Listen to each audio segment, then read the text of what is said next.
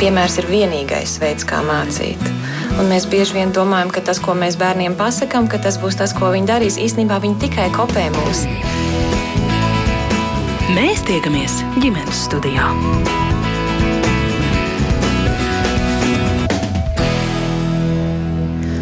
Jā, laba diena! Radījums ģimenes studija sāk savu skanējumu, un jūs sveicina tā producente Ilza Zvaigzne. Mans vārds ir Agnes Linka. Svētki tepat uz sliekšņa apkārt virmotās domas, cik tie būs skaisti un labi, un cerams, ka vairumā gadījumu to mēs tā arī piedzīvojam un piedzīvosim, taču ne visiem un nevienmēr izdodas šī idiliskā un patiesi priecīgā kopā būšana ar ģimeni Jā, šis laiks var arī uzplēst eh, dvēseles brūces un sāsināt tādas sarežģītas attiecības starp vecākiem un bērniem vai citu tuvinieku starpā. Kā tad meklēt sirdsmieru paudžu konfliktos un vai vienmēr ir iespējama piedošana? Par to šodien runāsim ģimenes studijā un šai sarunā piedalīsies teologs, lektors un grāmatu autors Induls Paičs. Labdien! labdien, labdien un arī certificēta mākslas terapeite, kognitīva behaviorālā terapeite apmācībās Indija Meluškāna. Sveika! Labdien! Un kā Allaža aicināsim arī jūs klausītāji, aicināti, esat aicināti pievienoties mums šai sarunā. Ja arī jūs jūtat kādas pārdomas šī temata sakarā un kontekstā, droši atrakstiet par to mums, padalieties ar savām sajūtām vai pieredzi. Kā vienmēr mēs gaidām ziņas ģimenes studijai, tās var sūtīt no Latvijas radio mājaslapas. Es gribu iesākt ar jautājumu jums abiem kopīgu, vai jūs strādājot ar cilvēkiem, strādājot savās, ja tā drīkst izteikties, palīdzošajās profesijās, vai jūs jūtat, ka svētki ne visiem ir tā idille un ka raizes iespējams sagādā tieši attiecību jautājumi? Nu, man jāsaka tā, ka eh, ļoti bieži to, protams, neiznāk tā konstatēt, bet jā, tādas situācijas ir. Eh, tās ir gan gatavojoties svētkiem, gan arī īpaši pēc tam, kad cilvēki ir piedzīvojuši kaut ko nepārāk patīkamu, un tad viņi tā mēģina to apstrādāt. Jo Ziemassvētku laiks, protams, eh, uzvandīja gan emocijas, gan atmiņas no bērnības. Protams, viņš pats par sevi paredz, ka tagad būs tā mīlīgi un jauki un sirsnīgi. Un tad, kad tā dzīves realitāte tam neatbilst, jā, daudzos gadījumos tas ir ļoti nepatīkams, mazliet depresīvs uh, pieredzes mirklis, un to tiešām nāks konstatēt. Jā, Cindī, kādi tavi vērojumi? Tieši šajos šogad. Um, tā īsti nav bijis. Varbūt tāpēc man nenāk tāds piemērs prātā, bet tas, ka gada laikā katrā ziņā šīs attiecības ar vecākiem ienāk terapijas telpā, to gan es varu apliecināt. Kā tas ir gada laikā? Nu, vispār gada visa laikā. Gada, vai, visa à, es domāju, gada laikā, laikā tad, tad, tad, kad ir tumšs, slapjš un viss ir nomācoši. Tādā gada laikā kā ziema. Mm -hmm. Nē, nē, es domāju, eh, caurmērā visa, visu gada Jā. laiku laikā, bet, um, bet kaut gan tagad, tieši kad, kad, kad um, es sāku runāt, es tomēr atcerējos, nē, ka ienāk arī šogad ir bijis, uh, varbūt ne tik burtiskā nozīmē, ka mēs kaut ko risinām, bet caur sapņiem, piemēram, ka pēkšņi pēkšņi parādās tēli no dažādiem, tiešām no bērnības, dažādi tēli. No tās vietas, kuras esmu bijis bērnībā, Jā, Ziemassvētku kaut kādu tādu fonu droši vien piešķir. Mm. Tad mēs varam vai nevaram īsti teikt, tā, ka svētki ir tas laiks, kas uzjūda tās sāpīgās pārdomas par attiecību tēmu. Ne, nu, man liekas, ka tas ir diezgan vispār zināms fakts, ka Ziemassvētki ir stresains laiks. Man jau liekas, ka stresa situācijas jebkurā gadījumā padara mūs jūtīgākus. Un, jā, nu vienam tas būs par to, ka es esmu viens pats, otram būs par to, ka manas attiecības nav tādas, kādas es gribētu. Eh, bet katrā ziņā es tiešām domāju, ka ir tas uzstādījums, ka Ziemassvētki ir tādi ģimeniski svētki un ka tur tā kā būtu jābūt kopā. Un varbūt tas ir tas īstais izaicinājums, jā, ka reizēm tas neizdodas, kā jau teicu, tā kā gribētos. Mm -hmm. Cindi? Jā, es piekritīšu. Turklāt spriedzes apstākļos jau mums arī aktualizējas citas lietas, pat ne tikai ar ģimeni, bet vienkārši izgaismojas. Nu, teiksim, varbūt ir cilvēks, pats pēc sevis zina, ka reizēm, nu, kad ir jāpoš tiem Ziemassvētkiem, tas pats par sevi rada stresu, un tas pat tad, ja attiecības ir labas, tas var pacelt kaut kādas aktualizēt lietas par to, kā mēs risinām domstarpības, par to, kā mēs vienojamies, par to, cikos sāksim, kurā mājā, ko tas viss pats par sevi, protams, ka var būt izaicinoši. Mm, tas arī rada asumus. Bet, kad tie stresi ir pārvarēti, mēs taču domājam, nāks tas uh, svētku vakars, tas svētvakars, un tad mēs iegrimsim tādā laimībā.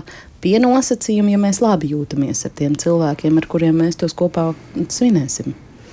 Mm.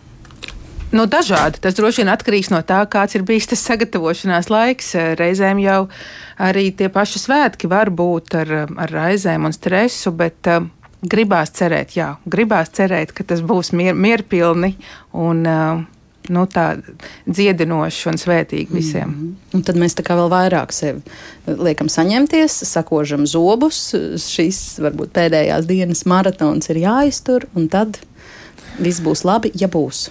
Nu jā, nu es domāju, mēs tiešām mēģinam izturēt šo sprintu vai maratonu, kā nu kuram tas ir. Bet uh, skaidrs ir viens, ka cilvēki ļoti bieži mēģina tā noķert labās sajūtas. Viņi mēģina saprast, nu, kad, kad, kad tad beidzot man atnāks tā svētku sajūta, kad tad man atnāks tas iekšējais miers.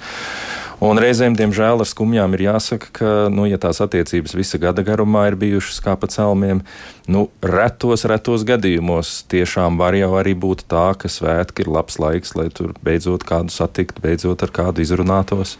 Bet nu, tas kopējais fons reizēm ir taisnība ar tādu mīnuszīmi, ka, ka beigu beigās nāks secināt, ka es esmu noskrējies, izpircis visu naudu dāvanās, bet tā labā sajūta tā arī īsti nav iestājusies. Tad tā frustrācija ir ļoti liela. Mm -hmm. Jā, šobrīd mūsu sarunai ja piepulcināsim vēl kādu runātāju, jo tādās savās sajūtās, pārdomās un arī dažos jautājumos par eh, to, kā veidot, risināt attiecības, attiecības samazglojumus ģimenē un tuvinieku starpā. Pirms kāda laiciņu dalījās kāda raidījuma ģimenes studija klausītāja. Un tādējādi būtībā arī viņi mudināja mūs par šo domāt un par šo runāt tieši Ziemassvētku, var teikt, pašā priekšvakarā. Viņas teikto studijā ielasīja mana kolēģe, tad eh, tagad paklausīsimies sievietes rakstītajā. Ap 20 gadiem sāku atģisties un uzdot sev jautājumus, kā tas nākas, ka mūsu paraugu ģimenē es nekādi nevaru rast mieru vai labi justies bija nepieciešami daudzi dzīves pārbaudījumi, kas kalpoja kā modinātāji zvani. Vēlāk daudzas stundas terapijā un pašpalīdzības materiālu izpētē, lai saprastu, kā aiz perfektās ārienes slēpjas disfunkcionāla ģimene. 20 gadu garumā mēģināju to uzlabot, savest kārtībā, aicināt māti uz sarunām, stāstīju, kā jūtos, kas man pietrūkst, aicināju vecāko māsu neatkārtot mūsu ģimenē apgūtos standartus, bet viss ir bijis velti. Lai arī zinu, ka sirdīs mīlestība ir tā ārā nenāk, kopā būšana ir situatīva un vēsa. Es saviem vecākiem neko nepārmetu. Viens draugs man reiz teica, ka mana problēma ir tajā, ka es vēlos labas attiecības ar savu ģimeni, ne tikai kaut ko pieklājības normu robežās vai ķeksītim. Protams, es saprotu, ka varu strādāt ar savu ģimenē radušos mīlestības, siltumu un atbalsta izsalkumu, izsīkumu caur iekšējā bērna dziedināšanu, pati sev kļūstot par to pieaugušo, kas manā dzīvē nekad nav bijis, bet tas šķiet tikai tāds vajadzības spiests ielāps. Es saprotu savu dzimtas vēsturi, kur tik daudz ir bijis par izdzīvošanu un jūtām nav bijis vietas. Es saprotu, ka cilvēks var dot tikai to, kas pašam ir, un es esmu pirmā savā dzimtā, kas kāpj pāri pienākumam, aizvainojumam un nemitīgai samierināšanās praksē. Es saprotu, ka izmaiņas nāk tikai tad, ja otrs pats to vēlas, apzinās un viņam ir tam resursi. Es saprotu, ka es varu tikai pieņemt un mīlēt, bet, kad atnāk Ziemassvētku laiks, man ir ļoti skumji, jo vēlos piedzīvot to, kas nav iespējams, un tai pašā laikā sanāk kāpt pāri sev un pavadīt laiku sev mazāk saistošā veidā, jo es nevēlos norobežoties no šīm kopā būšanas iespējām un tādējādi sāpināt citus. Saprotu, ka var būt mīļa un ar savu mīlestību iespējot šo kopā būšanas laiku, bet pieredze rāda, ka tas atņem spēkus. Es vairs nevēlos sevi nostādīt arī šajā it kā pārākajā pozīcijā, kad citi neprot stāvēt pāri nesaskaņām, bet es to protu un tāpēc to darīšu. Mans jautājums, kā šo visu apzinoties, rast iespēju piedzīvot skaistus svētkus, tādus, kas bagātina arī manu sirdi? Es patiesi neuzskatu, ka pietiek tikai ar apziņu vien, kamēr vecāki dzīvi vajag šo laiku pavadīt kopā. Es ļoti ilgu laiku baidījos no saviem vecākiem, jo, lai arī fiziskā ietekmēšana bija ļoti, ļoti reta, mierīgā balsī pateiktais vārds, acu skatiens manā uztverē bija tik skarbs, ka visu dzīvi līdz 23 gadiem staigāju tikai pa skaidri iezīmētajām līnijām. Es domāju, ka šī absolūtā kontrole un bezieruna paklausība ir pamatā siltuma trūkumam ģimenē. Pienākums, aizvainojums un kontrole ir tā, kas virzījusi šo ģimeni. Arī līdzatkarība bijusi cieši ievīta. Jā, 19 gados aicināja mammu uz sarunu. Mamma visu laiku noklusēja, un bija skaidrs, ka viņa bija ļoti neapmierināta, ka ko tādu no viņas prasu. Ar māsu ir bijusi viena dziļa saruna. Pēc 20 gadiem viņa man atbildēja, es toreiz nesapratu, par ko tu runā, un arī tagad nesaprotu, ko tu ņemies. Mana māsa ir visu aizslaucījusi, visu aizmirsusi un dzīvo uz priekšu savā ģimenē, atkārtojot visus tos pašus miedarbības principus. Nē, es domāju, ka tās ir šo divu, manas mammas un tēva atrastās miedarbības formas, kompromiss, pie kura viņi ir palikuši. Bet jāsaka, ka siltums un maigums nav bijis nevienā no viņu ģimenēm un arī ģimenēm, ko izveidojuši manu vecāku vienaudži. Ar visiem savā ģimenē esmu mēģinājusi runāt. Neviens uz reālu sarunu ar vēlmi kaut ko mainīt nav izgājis. Attiecīgi, man atliek tikai darbs ar sevi un savas dzīves sakārtošana tik tālu, ka primārā ģimene vairs nav svarīga, bet tā pašā laikā tas nospiedums un struktūras, kuras esam ieguvuši ģimenē, ietekmē mūsu visu atlikušo dzīvi tā sajūta, ka centos, bet man tā arī neizdevās manu primāro ģimeni restaurēt, tā nekur nepazudīs.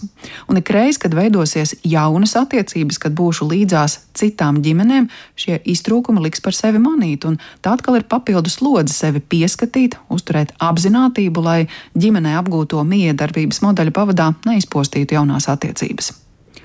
Zaudējuma sajūta, nepiedzīvotā iztrūkums jau paliek, Samierināšanās un pieņemšana ir tikai plāksters, tā nav pieredze, pēc kuras sirds augsta. Pienākums un dažādas situācijas itin viss aicina būt kopā ar ģimeni, pat ja ģimene nerezonē ar mani vienā toņkārtā.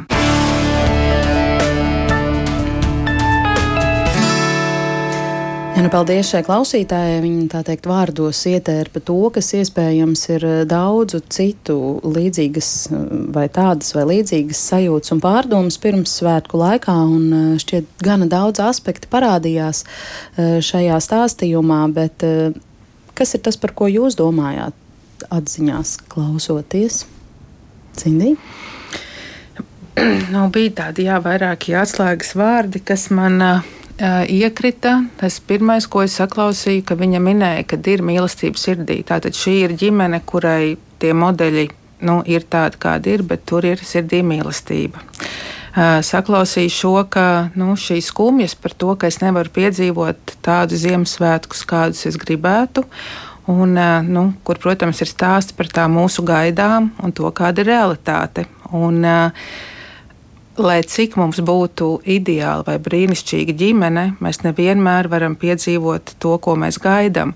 Viņa te bija um, minēts par zaudējumu. Un par to, ka tāda pieņemšana var būt tikai kā plāksteris, nu man varbūt ir jautājums par to, vai šis zaudējums ir tiešām izsērots. Jo, protams, ka zaudējums paliek zaudējums arī tad, ja mēs to pieņemam, bet tomēr, ja viņš ir izsērots, tad es varbūt uh, izsērojot šo zaudējumu, ka nevar būt tā, kā es gribētu, ka es kļūstu atvērtāka tam, kā ir un kaut kam citam. Protams, ka skumja, ja nav tā emocionālā tuvība, kas nu, tur parādījās, ka tā sāp par to, ka mēs neesam emocionāli tuvi. Bet, uh, bet ja ir sirdī šī mīlestība, es domāju, ka ir ļoti daudz un dažādi veidi, kā mēs varam izrādīt savu mīlestību. Un uh, nav viena pareizā veida, nav viena pareizā modeļa. Uh, Un um, arī tajā, ko es dzirdu, ka, tā, ka šī sieviete ir ļoti daudz strādājusi un darījusi ar sevi, bet tomēr ir jautājums, ka tajā brīdī, kad es saku, ka es esmu mēģinājusi runāt un neviens ar mani nav runājis, tur arī var būt tas jautājums, vai tiešām neviens ar mani nav runājis, vai neviens man nav teicis to, ko esmu gribējis dzirdēt.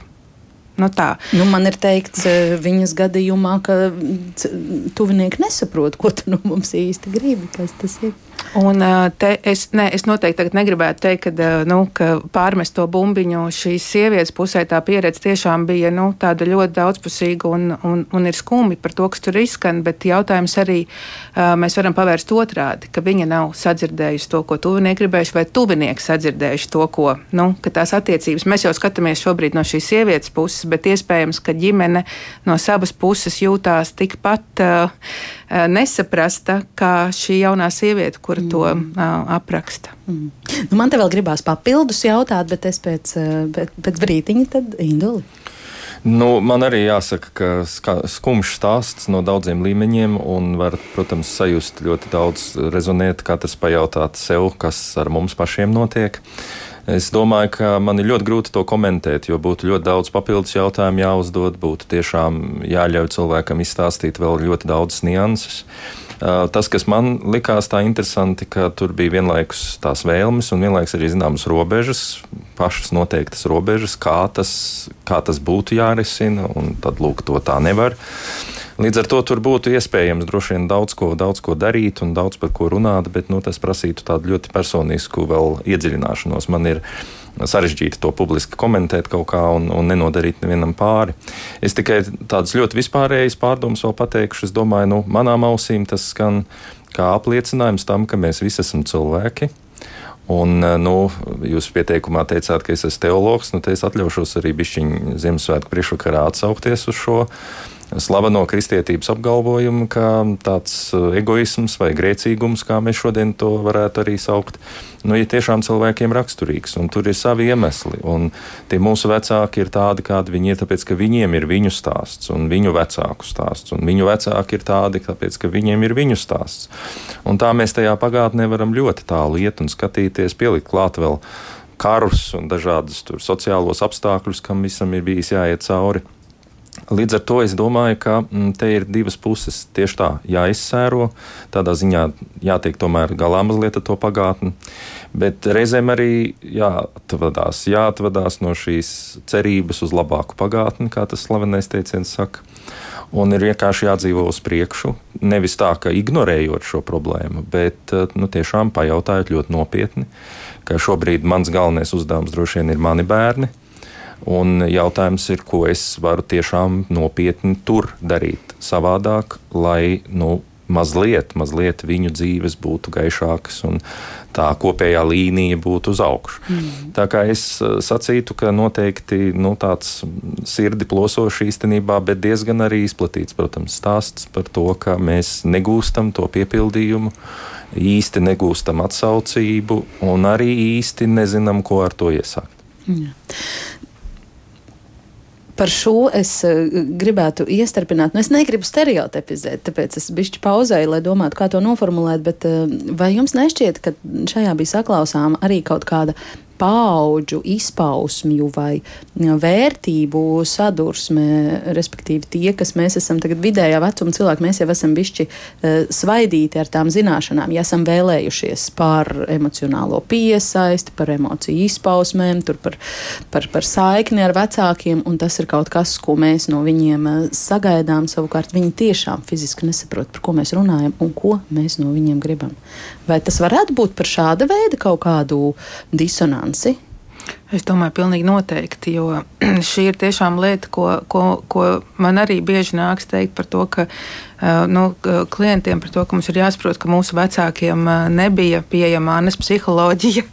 Eh, visi internetu portāli ar psiholoģijas rakstiem nebija vecāku kurs par piesaisti, par tam Terapijas līdzīgu. nodarbības, piemēram, nebija. psihoterapija kā tāda vispār neeksistēja. Vai, ne? vai nu. arī, nu, ja par to bija kaut kas dzirdēts, tad bija skaidrs, ka tur ir runa par smagām diagnozēm. Mm -hmm. Tā kā, protams, protams, mēs esam daudz emocionāli izglītotāki, un mūsu bērni, es gribu teikt, ka es redzu arī to pārmaiņu, ka mūsu bērni bērni savukārt ir vēl daudz emocionāli izglītotāki nekā mēs, kuri jau kaut ko zina, bet īstenībā tās pieredzes iespējams vēl nav. Un tad mēs tā kā laužam vai mācāmies vai laužamies tajā savukārt bērniem.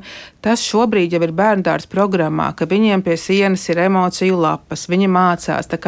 Viņi ir īstenībā atkal jau iespējams, ka viņi mums varēs prasīt kaut ko tādu, ko mēs šobrīd, un mēs nesapratīsim, ko mēs prasām saviem vecākiem.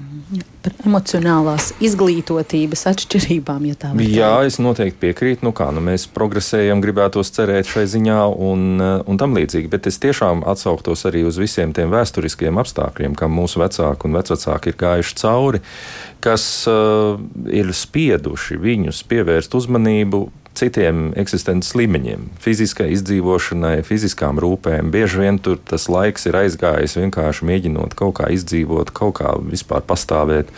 Un cilvēkiem, kuri no visas sirds īstenībā tādā veidā ir izrādījuši savu mīlestību, ka es esmu tevis dēļ, tur, vēl sakot, visu nolicis pie malas, lai tikai tev viss būtu. Tanī brīdī, kad mēs sakam, jā, nu, bet tu varēji vēl tur pievērst man uzmanību un mazliet vēl mīļāks pret mani būt, viņi tiešām to sajūtu viegli nesaprot, bet viegli varbūt arī sajūt, ka tas ir mazliet netaisnīgi, ko tu īstenībā gribi no manis. Tagad tev, protams, ir laiks un resursi un iespējas, un tad, tad audzini tos savus bērnus. Un tur ir zināma taisnība, ka tajā brīdī, kad mēs visi nonākam ļoti kritiskos apstākļos, ir vienkārši mazliet citas prioritātes. Šobrīd mēs varam atļauties, tāpat kā, piemēram, savā laikā bija milzīga cīņa par, nu, par vardarbību. Nu, vēl tagad turpinās cīņa Protams, par to, lai mēs vispār saprastu, ka vardarbība, fiziska vardarbība ir slikta. Par to laiku jau kādi saka, jā, bet ir arī emocionāla vardarbība, kas ir vēl smalkāks līmenis. Un, jā, taisnība. Arī par to ir jādomā. Arī tas ir jāattīst. Iespējams, ka mēs iesim vēl uz priekšu, vēl smalkāk sajutīsim šo problemātiku. Un tā katra nākamā paudze pilnveidojas. Un nu, varbūt tā ir arī tā atslēga. Nu, ja mēs tiešām esam spēruši soli uz priekšu, tad jā, atskatāmies, jā, saprotam, ka mums ir iespēja virzīties savādāk un saviem bērniem iedot kaut ko citu vai vairāk, brīnišķīgi. Tā pašā laikā svarīgi nu, tos mūsu vecākus tiešām paņemt līdzi. Jo man patīk vēl viena metāfora, ka cilvēks ir tā kā tāda māla pika. Tad, kad mēs esam bērni, tas māls ir vēl tāds mīksts vai ne ūdeņains, un tur katrs iespiediens, pies, pieskāriens atstāja bieži vien ļoti dziļas pēdas. Mēs esam tādi ļoti plastiski. Tad, kad mēs kļūstam ar gadiem vecāki, mēs sākam sažūt. Nu, ne tikai tādā fiziskā nozīmē, bet bet arī kā tā māla pika. Un, jo tas māls ir tāds sažūšāks, jo viņš mazāk ir spējīgs mainīties. Mm. Un reizēm mums būs jāizrāda tā emocionālā inteligence visaugstākajā pakāpē, lai ar cilvēkiem, kuri eventuāli fundamentāli vairs nemainīs savu personības struktūru, lai tomēr ar viņiem varētu sadzīvot un to prieku pie, pie saņemt un iedot. Bet vai tas nenozīmē arī zināmu distancēšanos? Jo es viņus varu mēģināt, jūs teicāt, vecākus paņemt līdzi, bet ja šķiet, ka tas neizdodas, nu tad ko? Liekam, liekam mierā. Nē, nu, tas ir atkarīgs no manām spējām, bet es teiktu, ka katrā attiecībās ir kaut kāda optimālā distance kur, uz kuru es šobrīd esmu spējīgs. Tas ir skaidri jāatzīst. Man var būt cilvēki, ar kuriem es varu būt mierā, ja viņš dzīvo citā pilsētā, bet ne tuvāk. Un man var būt cilvēki, ar kuriem es varu būt vienā mājā un ar kuriem es varu būt ikdienā kopā. Ja es gribu to distanci mazināt, tad vai nu es kāpinu kaut kādu savu instrumentāriju, ar ko tad es varu pietuvoties un ar ko es varu labāk izturēt, ja man kaut kas nepatīk, vai arī man ir godīgi jāatzīst, ka manu šobrīdējo spēju robežās tā distance maksimāli maksimālā vai minimālā, kuru es varu ievērot, ir šāda. Mm -hmm. Cindy? Jā, es piekritīšu, ka. Nu, piekritīšu tam, ka ir tiešām ļoti svarīgi skatīties uz to, kā es emocionāli jūtos. Jā, kas ir tas uh, tiešām, ko es varu izturēt, nu, vai distanci, vai, vai emocionāli izturēt. Bet, um, ja es jūtos emocionāli pats spēcīgs, uzlādēts, tad droši vien man ir vieglāk pieņemt to, ka citi vecāki nav tādi, kā es gribētu, lai viņi būtu. Uh, var būt, protams, situācija, kad es esmu emocionāli ļoti sāpināts un jūtīgs, un ka varbūt uh, šī pieredze man ir raisījusi nu, tādas manas pārliecības, kas man ir ļoti traucējošas. Viņa sākumā raidījuma pieteikumā arī tika pieminēts šis vārds emocionālā brūce. Tad mēs varētu runāt līdzībās, ka, nu, ja man tiešām ir ļoti dziļa tā brūce, un tagad katru reizi satiekoties, tā brūce vēl tiek katru reizi atkal paplāsta vaļā un mm -hmm. pabikstīta, tad man tiešām ir jādomā tomēr par to, kā es varu justies pietiekami komfortabli un droši, emocionāli droši.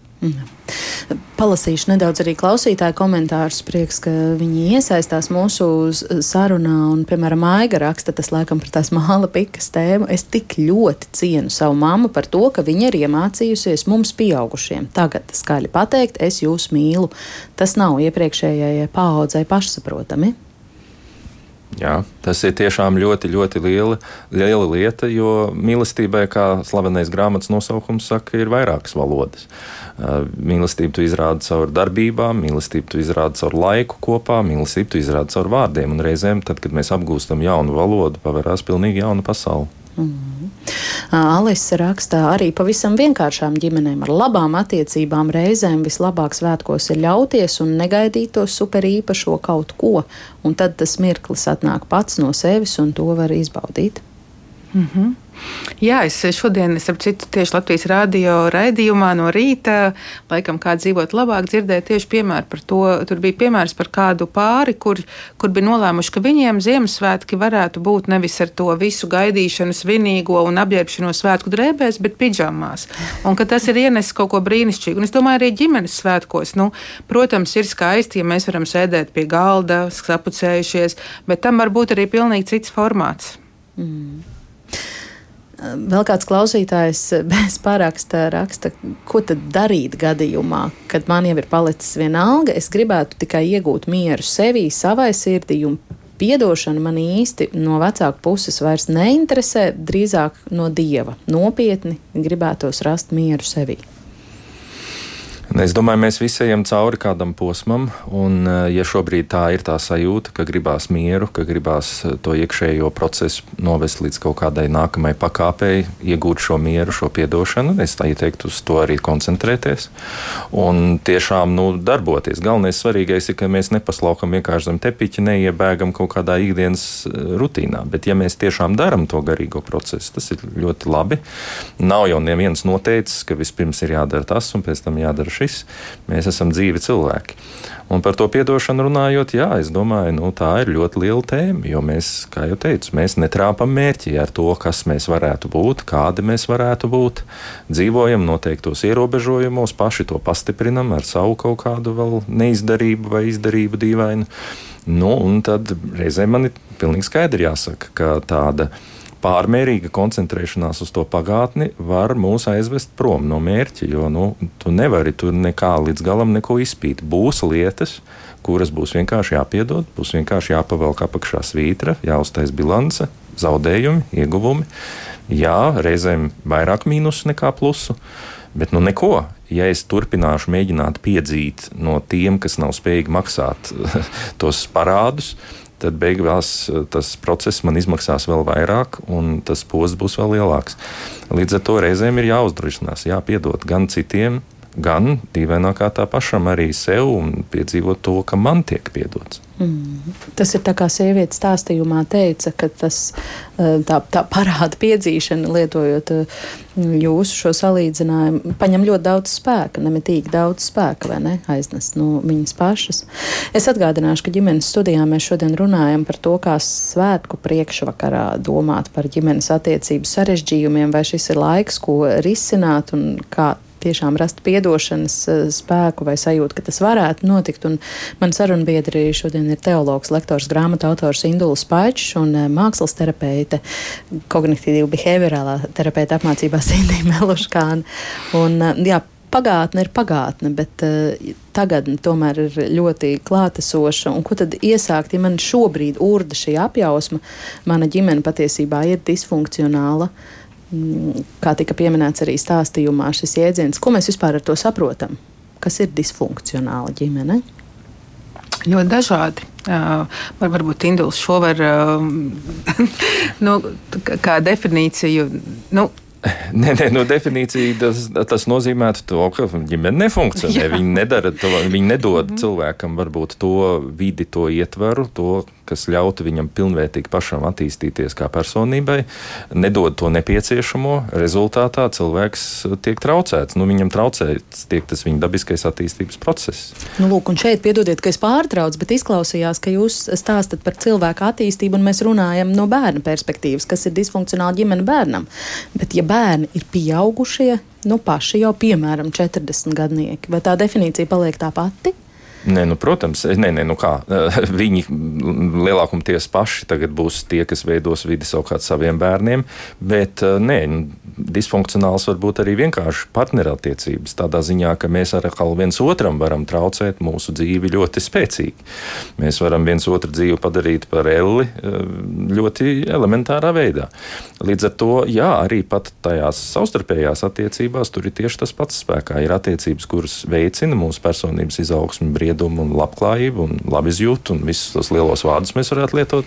Un ir tādas attiecības, kuras ir traumatiskas gandrīz uz katra soļa. Un tad mēs runāsim par visu, visādi, nu, sauksim viņus ļoti dramatiskos vārdos, bet nu, tā, tās ir attiecības, kuras ir toksiskas, neveselīgas, līdzatkarīgas, disfunkcionālas, nu, tādas, kas neļauj man normāli pastāvēt. Un eh, reizēm tas sarežģītais ir tas, ka no vienas puses tajās attiecībās arī tomēr kaut ko iegūst. Rezultātā nu, es viņus neesmu gatavs arī tā vienkārši pārtraukt un atmest. Un tā pašā laikā, lūk, viņas man to dzīvi kaut kādā ziņā dara problemātisku. Un tad cilvēki reizēm sapinās, un tad darbs terapeitiem un visiem pārējiem varbūt palīdzēt, asistēt, kā tikt laukā no tiem labirintiem. Mm, jo tā vienmēr ir dilemma. Es varbūt esmu jau pieaudzis cilvēks, un disfunkcionāls ir manas attiecības ar maniem, iespējams, nu jau vecajiem uh, vecākiem. Tad tas ir jautājums par to distanci un tās um, izveidošanu. Uh, jā, bet te jau arī tiešām tas papildinot, ka uh, tas jau ienāk arī esošajās, ne tikai attiecībās ar vecākiem, bet tie jau ir tie modeļi, kā es izturos ar savu partneri, piemēram, esmu līdzatkarīgs, vai ja es esmu, nu, kas ir ļoti bieži, kad disfunkcionālās ģimenēs, piemēram, bērns ir bijis tas, kuram ir jāuzņemās pieaugušo loma, un ka viņš vispār nespēja būt, piemēram, bezrūpīgs, rotaļīgs, jo viņam nav tādas pieredzes, viņam ir grūti vispār dzīves prieku dabūt, un tad viņš vai nu aiziet kaut kādā hiperkompensācijā, vai nu viņš mēģina aizmirsties, bet tas jau viss atstāja, te, tepat nav runa tikai par, par attiecībām ar vecākiem, bet tas ļoti ietekmē manu uh, dzīves kvalitāti šobrīd, manas attiecības šobrīd. Un ko ar to darīt? Nu, pirmkārt, ir labi, ja tas kaut kādā veidā tiek piefiksēts, ka tas, kas notiek, nav uh, pilnīgi kārtībā. Un, uh, droši vien atkarīgs ir no tā, no, no tā paša cilvēka. Uh, psihiskās veselības šobrīd, no tā, vai ir cilvēki, kuriem ir resursi arī pašiem. Tiešām viņš varbūt palasa kaut ko painteresējās, un viņam ir resursi to risināt. Ir cilvēki, kuriem ir vajadzīga profesionāla palīdzība. Nu, un tad jāsāk ir ar sevi, un tad pamazām sākot pamanīt, kas ir šie um, disfunkcionālie modeļi, tad es varu kaut ko ar tiem sākt darīt. Un tas neizbēgami arī nozīmē to, ka man iespējams būs jāiet uh, pie attiecībām ar vecākiem, tad arī burtiskā nozīmē, un iespējams, ka es gribu to risināt, jo vēl par to piedošanu papildinot, tiešām tas jau reizēm ir arī ļoti svarīgi man pašam. Nu, jo tas bija tas, ka jā, ir, ir grūti ar to nepiedošanu. Reizēm man ir, ir, ir bijis uh, pacients, kurš, saka, uh, kurš nerunā ar mammu, piemēram, piecus gadus, un viņš saka, nu, esmu sapratis, ka es gribu viņai piedot, uh, bet es viņai to pat neteikšu. Nu, man ir svarīgi pašam vienkārši rast to mieru, nevis nesāt līdzi to smago aizvainojumu, sāpju sajūtu. Mm, nu jā, jo māma varbūt nemaz nezina, ka bērnam ir kaut kas, ko viņai piedod. Vai negribu to zināt? Nu jā, es tikai piebilstu, ka vienmēr no manas perspektīvas, tā, kad mēs runājam par disfunkcionālām ģimenēm, es vienmēr gribētu jautāt, kur tad ir tās augsti funkcionālās ģimenes. Es tiešām ļoti, ļoti maz pazīstu tādas. Un tas nozīmē to, ka drīzāk stāsts ir, ka cilvēka attīstība ir praktiski neierobežota. Un, um, lai ko mēs darītu, lai kā mēs darītu, vienmēr, vienmēr varēs teikt, jā, bet varēja vēl labāk, varēja vēl savādāk. Un te mums ir jāuzmanās. Tātad no vienas puses ir tiešām ģimenes, kuras traumē, nu nepavēlti ir šis vārds, nu tāda dara tādu postu, ka pēc tam ir ļoti grūti savākties un vispār kaut kā tikt uz priekšu. Un ir ģimenes, kurās vienkārši, nu jā, nu varēja būt vēl arī tas. Vai to es nosaucu par disfunkcionālu, nu, tas ir jautājums, ko es gribu ar to vārdu panākt. Jo reizēm vienkārši jāsaprot, ka nu, mēs esam cilvēki. Un, piemēram, ja man būtu ģimene, kurā viss ir absolūti ideāli perfekti, tādā ziņā, ka viss ir smaidīgi un sirsnīgi un mīloši un apkampjās katru brīņu brīdi, kas varbūt dažiem ir ideāls, kas nav to piedzīvojuši. Tad pēc tam izējot tā saucamajā reālajā dzīvē, sastopoties ar reāliem cilvēkiem, kuri galīgi tā nerīkojās, es varētu teikt, nu traki, man ģimene bija tāda siltumnīca, neiemācīja man tikt galā ar sarežģītām situācijām. Jūs saprotat, mēs gandrīz jebkurā situācijā varēsim atrast kaut ko, ka, ko vēl būtu varēts iemācīties un kas varbūt tieši šajā situācijā būs noderīgs. Tāpēc es aicinātu saprast, ka Ir lietas, jā, kas ir profesionāli e, jārisina, ir lietas, kuras ir vienkārši mūsu e, nu, vēlme, ka tā būtu bijis labi.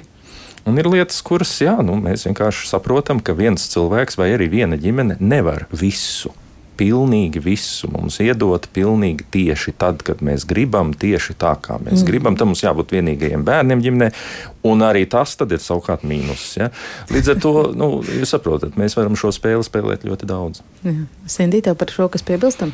Es pilnīgi piekrītu plusi un mīnusi ikvienā ģimenē, un, un tiešām arī reāli dzīvē esmu saskārusies ar cilvēkiem, kuri ir auguši šajā siltumnīcā, kur viss ir bijis labi, un viņi vispār, piemēram, nav iemācījušies risināt konfliktus, mm. jo viņu ģimenē vecāki nekad nav strīdējušies, un viņiem vispār nav pieredzes šāds, un viņi arī nonāk pa taisno pēc tam attiecībās, kur, kur viņi ir īstenībā nu, tādā lomā, kur viņi nespēja par sevi pastāvēt. Tā kā absolūti piekrītu tam visam. Mm. Un tomēr, ja mēs eh, turamies pie, pie, pie brūces, kā pie epitēta, nu, ko tad ar to iesākt? Ja tā pagātnes brūce eh, man šeit un tagad sāp, un pieaugušam esot, un, un tās visdrīzāk sāp ilgi, ja mēs tā, vispār ļaujam sev par to domāt, tagad uz tā Ziemassvētku sliekšņa. Nu, tad vienkāršs jautājums - braukt pie tiem vecākiem, aicināt viņus pie sevis. Ja ir tā sāpe apakšā, es nezinu, kognitīva behaviorālā terapija parasti piedāvā tādas ļoti labas, praktiskas domāšanas schēmas arī un kaut kādus risinājumus, kā uz tādām lietām paraudzīties. Varbūt tev nāk kaut kas prātā. Nē, nu, kaut kāds tāds, nu, respektīvi, viena lieta ir metods, bet otra lieta tomēr ir katrs gadījums ļoti individuāls. Un es tomēr kāptos atpakaļ pie tā, ka man ir ļoti jāvērtē, cik es esmu stiprs. Nu, kā, cik es jūtos stabili. Un, kā jau es teicu, protams, ka labākais risinājums, labākais modelis vienmēr ir, ja mēs spējam vienoties, pieņemt un uh, sarunāt. Bet uh, nu, tā ir tā atkal otra puse, ko es arī no, no prakses zinu, ka ir gadījumi, kad tiešām ir īpaši, ja, piemēram, es esmu ieguvis ļoti dziļu to pārliecību, ka es neesmu pietiekami vērtīga, vai ka mani, lai ko es darītu, tas nav labi, un tas tiek kritizēts. Un, ja es zinu, ka es tagad aizbraukšu Ziemassvētkos, un atkal kleita, ko es esmu uzvilkusi, nebūs laba, griezums nebūs labs, un es, piemēram, varbūt pat strādāju ar to, bet es vēl neesmu izstrādājis to, tad, tad es teiktu, ka nu, uh, ir jāapsver variants, kā es jūtos droši. Varbūt, ka, ša, varbūt, ka mēs uh, sa, sazvanamies zūmā. Varbūt nu, tas ir tāds galējs, bet reizēm var būt arī šādi gadījumi. Mm -hmm. Ne, man patīk tā metāfora par brūci. Uh, un es teiktu tā, ka mēs ļoti labi zinām, ja cilvēkam ir laba veselība, viņš var iegriezt pirkstā, nolaizīt, es ļoti atvainojos, un gan jau būs labi. Mm. Uh, un ja viņam ir kāda būtiska slimība, tad var gadīties, ka tas ir ļoti strauji kaut kas jādara, lai tas nepārvērstos patiešām milzīgā problēmā. Un man reizēm liekas, es tikai piekrītot visam, kas izskanēja, es tikai teiktu, ka reizēm tas ir stāsts par manu šī brīža dzīvi. Tas ir stāsts par maniem resursiem šobrīd, par to, kur man smelt to emocionālo lādiņu un spēku. Jo, ja es pats sev esmu definējis, ka mana bāzes ģimene ir disfunkcionāla, tad velti es tur meklēju risinājumus. Tas man tad ir darba lauks. Bet, lai es varētu darba laukā iet iekšā, man ir jāiet iekšā ar noteiktiem resursiem. Un tie man, kā atbildīgam pieaugušam cilvēkam, ir pašam jāmeklē. Kā es savas vajadzības apzināšos, kā es savas vajadzības apmierināšu, kādi ir mani resursi, kā es viņus varu apzināties, kā es varu viņus veicināt, lai beigu beigās es sajustos spēcīgs.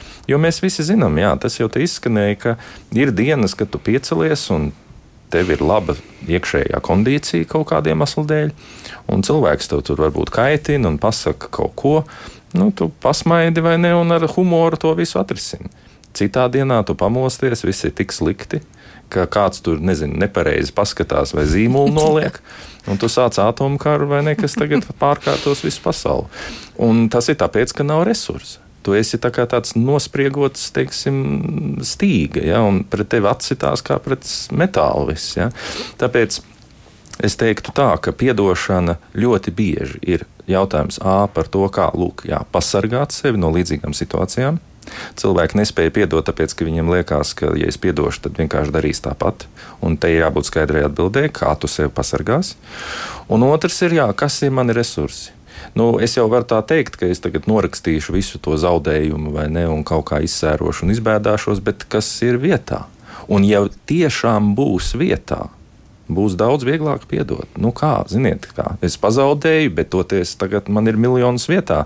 Līdz ar to es esmu gatavs arī to parādu atlaist daudz vienkāršāk nekā, ja man šobrīd nav ko ēst, un tas cilvēks man ir miljonu parādā. Nu, tad, protams, es tur zini, darīšu visu iespējamo un nevarēšu aizmirst nekādi to mm. parādu. Tā kā tas stāsts par mūsu šī brīža resursiem, kas savukārt izriet no mūsu šī brīža vajadzību apmierināšanas, tā skaitā emocionāla vajadzību apmierināšanas, es domāju, tas ir ļoti izšķiroši. Jā.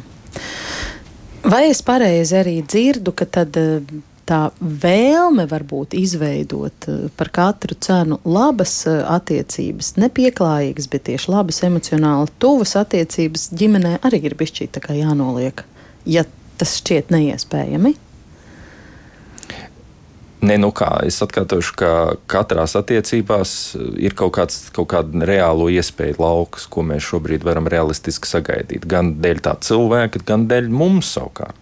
Un es domāju, ka jā, nu, ir kaut kādas attiecības, kurās man jāsaka, šobrīd es to nevaru sagaidīt. Vai nekad tas nebūs? Nezinu. Bet nu, šobrīd visticamāk es esmu vairāk investors. Un to mums bērniem ir ļoti grūti pie saviem vecākiem saprast, ka savā laikā mēs bijām bērni un mēs bijām tie, kas saņem, un lūk, saņem vairāk vai mazāk. Bet tagad varbūt mēs esam stipri līdzīgi, un varbūt jau esam jau otrā pusē, ka īstenībā mums to resursu vajadzētu būt vairāk, un ir vairāk, un mums ir jāsāk dot. Bet gribētos vēl ņemt, un likās, nu, vismaz no vecākiem varētu gaidīt, ka viņi tomēr mums vienkārši iedos. Bet nē, man ir jāsāk dot. Un tad ir jautājums, kur es ņemu. Kur tad es ņemu? Un es domāju, tajā piemērā, ko mēs te klausījāmies, tieši tas īstenībā arī izskanēja kur tad lai es īstenībā pati ņemu to siltumu, to labumu, to, to labo sajūtu. Ja? Mm, tas ir labs jautājums. Un man ir aizdomas, ka tas um, nebūs tā, ka tu vienkārši piespiedīs vai kaut kā, es nezinu, no kādiem paņēmieniem tomēr dabūsi no tiem vecākiem to laukā. Visticamāk, būs otrādi respektīvi, tu atradīsi to resursu citur. Tad, tu, ja tu gribēsi, tu investēsi šajās attiecībās ar saviem vecākiem, restartēsi šīs attiecības, un tad varbūt ar kādu laiku, pēc kāda laika, viņi sāks nest cita veida arī ieguvumus un augļus.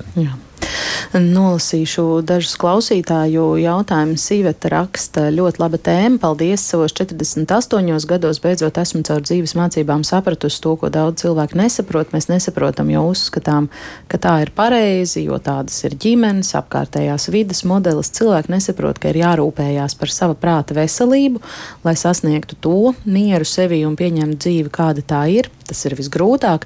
Man tā ir bijis, un šobrīd sāk to apjaust. Noteikti vēlētos apmeklēt arī terapeitu, bet tā jau ir nākošā problēma gan pieejamībā, gan finansēs. Andris raksta, ar tēvu pēc kāda liela konflikta nekontaktējamies jau desmit gadus. Zinu, ka sirdī esmu viņam piedevis un vēlos atkal salabt, bet viegli ir no malas pateikt, vienreiz ej un satiecies parunā. Dzīvē tas nemaz nav tik viegli. Esmu audzis nejūtot vecāku mīlestību un nemāku iet pirmais salabt. Nu, jā, ja man nav bijusi pieredze ģimenē runāt, protams, tas, tas ir nu, tā tās arī vienalga dažādās mīlestības valodas. Nu, tas ir nu, pēkšņi bez iemeņām sākt runāt franču valodā. Nu, tas nav iespējams. Nu, bet tiešām arī piekrītu tai domai, ka tomēr, kamēr mēs esam bērni, mēs esam atkarīgi no vecākiem. Bet tad, kad mēs esam pieauguši, nu, mēs nevaram visu laiku skatīties atpakaļ pār plecu. Mums ir jāuzņemās sava atbildība. Es šobrīd uh, esmu brīvs savā izvēlēs, un es varu mācīties soli pa solim, un tā ir mana atbildība. Nevairs vecāka atbildība par to, kas man nav iemācīts. Mm -hmm. Dula arī kaut kas par šo varbūt kāds ieteikums. Um, jā, nē, es saprotu šo sajūtu, un um, nu, nē, nu, mans ieteikums ir līdzīgs. Proti, respektīvi, mācīties, saprast to, ka uh, tas ir tāds tiešām process. Tas nav vienkārši, jā, pateikt ir viegli. Uh, trakākais ir, ka kādreiz pat liekas, ka, nu, nu jau es esmu piedevis, nu jau es esmu piedevis. Un tad pēc kāda brīža cilvēks saka, nē, bet es jūtu, ka es neesmu piedevis. Tur ir visādi slāņi, ja? bet es teiktu, ka, nu, jā, piedošana veidojās atjaunojot attiecības attiecības. Piedošanas mērķis, starp citu, īstenībā dziļākais mērķis būtu atjaunot attiecības. Nu, reizēm nē, reizēm tās attiecības nav atjaunojamas un varbūt dažādu iemeslu dēļ, tad piedošana nozīmē vienkārši atraisīties no šīm attiecībām. Tāpēc atkal tas ir ļoti, ļoti dažādi un jāskatās ļoti konkrēti. Mm -hmm. Kāds klausītājs parakstījies, kā anonīms, droši vien anonīmā, vaicā, kā risināt situācijas, kad problēmas ir attiecībās ar partneri ģimeni. Negribu vīram liekt iespēju tikties ar savējiem, bet es nespēju tur būt, zinot viņu attieksmi pret mani. Arī pirms svētku laikā iespējams ļoti konkrēts, ļoti aktuāls mm. vaicājums. Nu, te, te, protams, gribētu zināt vairāk. Ir ļoti grūti, grūti saprast, kas ir. Nu, jā, te, Uh, jebkurā, jebkurā situācijā jau paliek spēkā tas, ko mēs runājam par saviem resursiem. Kāda man ir resursi, ko es varu un ko es nevaru. Nu, ja es nevaru, ja es uh, gribu, lai, vi, lai vīrs tiekās un viņam tas, viņu tas apmierina, tad, uh, tad lai viņi tiekās. Ja es jūtu, ka man nav spēka tikties, tad es netiekos. Nu, tur jau faktiski tas, kas ir, tas arī ir. Mm. Nu jā, tas jautājums sākums, mm. kā risināt situācijas, būtībā nav jau nekāda sevišķi daudz citas izvēles. Vai tikties vai netikties? Nē, nu, izvēles ir ļoti daudzas un dažādas tādā ziņā, cik daudz tikties, uh, tikties un tiešām uz tiem spēles noteikumiem, vai tad mēģināt atrast kaut kādas neitrālās teritorijas. Visu kaut ko jau var domāt. Reizēm tieši tā ir tā mūsu problēma, ka mums ir kaut kāda schēma galvā, un mums liekas, ka mums ir tikai izvēle, piedošana, vai ne tieši kā reizes starp melnu un baltu, bet nē, nē, tur ir visādas vēl nianses, un tas atkal būtu jārunā, jādomā, bet galvenais būtu jāsaprot tie mērķi, mērķi, mērķi šajā gadījumā. Kas ir tas, ko mēs gribam panākt? Un kas ir tas, kas mums ir jāpanāk? Vai mums tiešām ir jāpatīk visiem cilvēkiem? Tādā ziņā, ka man patīk visi cilvēki, vai ka es kādiem cilvēkiem obligāti patīku. Vai tas ir tas mērķis? Ja mums ir jāspēj sadzīvot, mums ir jāspēj kaut kādā pieklājības robežā, teiksim, e, uzturēties. Ja? Un tad, attiecīgi, nu, ko mans partneris tajā visā dara, vai viņš mēģina pārkraut to uz mani, ka tev ir jāmāk ar maniem vecākiem tikt galā, jebkurā gadījumā, vienalga, kā viņi rīkojās, jeb viņš saka, nē, es esmu gatavs tur mazliet iesaistīties tādā ziņā, ka, piemēram, prasīt zināmu robežu ievērošanu un zināmu, teiksim, attieksmes eh, minimumu. Jā, atkal viņš jau nevar kontrolēt, ko tie vecāki tur domās vai darīs, bet, eh, bet nu, kaut kādas robežas mēs varam mācīties novilkt. Tā kā nu, tas ir tāds sarežģīts, grūts uzdevums, jo cilvēki ir brīvi. Un tas nozīmē, ka viņi, nu, jā, es varu viņiem nepatikt. Nu, man ar to jārēķinās. Savukārt, tas nenozīmē, ka kādam man svarīgam cilvēkam tie cilvēki arī nepatīk. Ja? Tā tādi trīs stūri veidojās ik uz soļa. Mm. Dažas minūtes mums vēl ir atlikušas šai sarunai, un es to noslēdzot, gandrīz jau gribu jums pavaicāt, ko par šo visu domājot un runājot, jums šķistu vissvarīgāk, ka sadzirdētu um, mēs, šodienas bērnu vecāki. Drusku tas jau redzījuma sākumā ieskanējās Induļa teiktajā um, par to mūsu attieksmi pret mūsu bērniem. Mm -hmm. ne, nu, pavisam īsi no, no, no tā, ko mēs uh, šobrīd uh, zinām, jau kā, kā, kā pieaugušie, tad tas, lai bērns justos labi, nu, īstenībā tās bērna pamata vajadzības, un runājot par to tieši emocionālo tuvību, ir, ka viņš jūtas mīlēts, sadzirdēts un novērtēts.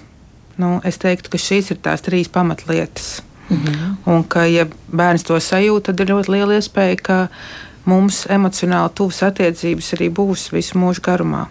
Un ir ļoti liela iespēja, ka, ja es to neesmu saņēmis no saviem vecākiem, man būs ļoti grūti šīs pamatvajadzības savam bērnam apmierināt. Eh, nu, gan jā, gan nē, jo pēc būtības jau mēs bieži vien eh, arī gribam iedot saviem bērniem. Nu, tas ir faktiski ir tāds mehānisms, ka mēs ļoti bieži pat pārcenšamies vēloties iedot saviem bērniem to, ko mēs neesam saņēmuši. Nu, piemēram, ja es jūtos nesadzirdēts, tad es varbūt šobrīd vēl izdabāju par daudz jā, jau savam bērnam. Frāzi, Tā varbūt jā, jā. ir, es teiktu, ka varbūt tāds risks ir, jo es, es domāju, ka tomēr um, mēs neesam arī tik nespējīgi, un ka mēs spējam mācīties dot to, ko neesam saņēmuši paši. Paldies, ka tu iedvesmo šādi, Indula. Uh, nu, man liekas, ka šobrīd uh, ir faktiski viens vienīgs resurss, kas mums pietrūkst. Mums daudz kas ir labklājības sabiedrībā dzīvojam. Mums ir jautājums par uz, uzmanību. Un es domāju, ka tas mans vēlējums būtu saprast, ka ne par kādu mīlestību un tuvību un neko citu mēs nevaram runāt, ja mēs neveltam uzmanību. Es pat uzsvērtu nevis laiku, bet uzmanību. Jo laiks var būt, bet es esmu aizņemts savā lietās. Un es domāju, ka nākamajā, nākamā paudze nāks ar to, ka mani vecāki bija kaut kur citur, vai es biju kaut kur citur, un viņi man neizvilka no tā telefona laukā, un viņi man nepievērsa to uzmanību, un viņi man neiemācīja to uzmanību pievērst.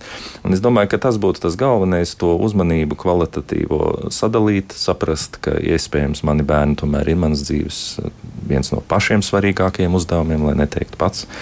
Un līdz ar to šo kvalitatīvo vērību, uzmanību to gan es gribētu novēlēt, jo tas jau ir tas psiholoģiskais glāsts. Tas ir mirklis, kad es sajūtos pamanīts. Un es vēlētu, ka mēs sajūtamies pamanīti un pamanām citus aizvien biežāk.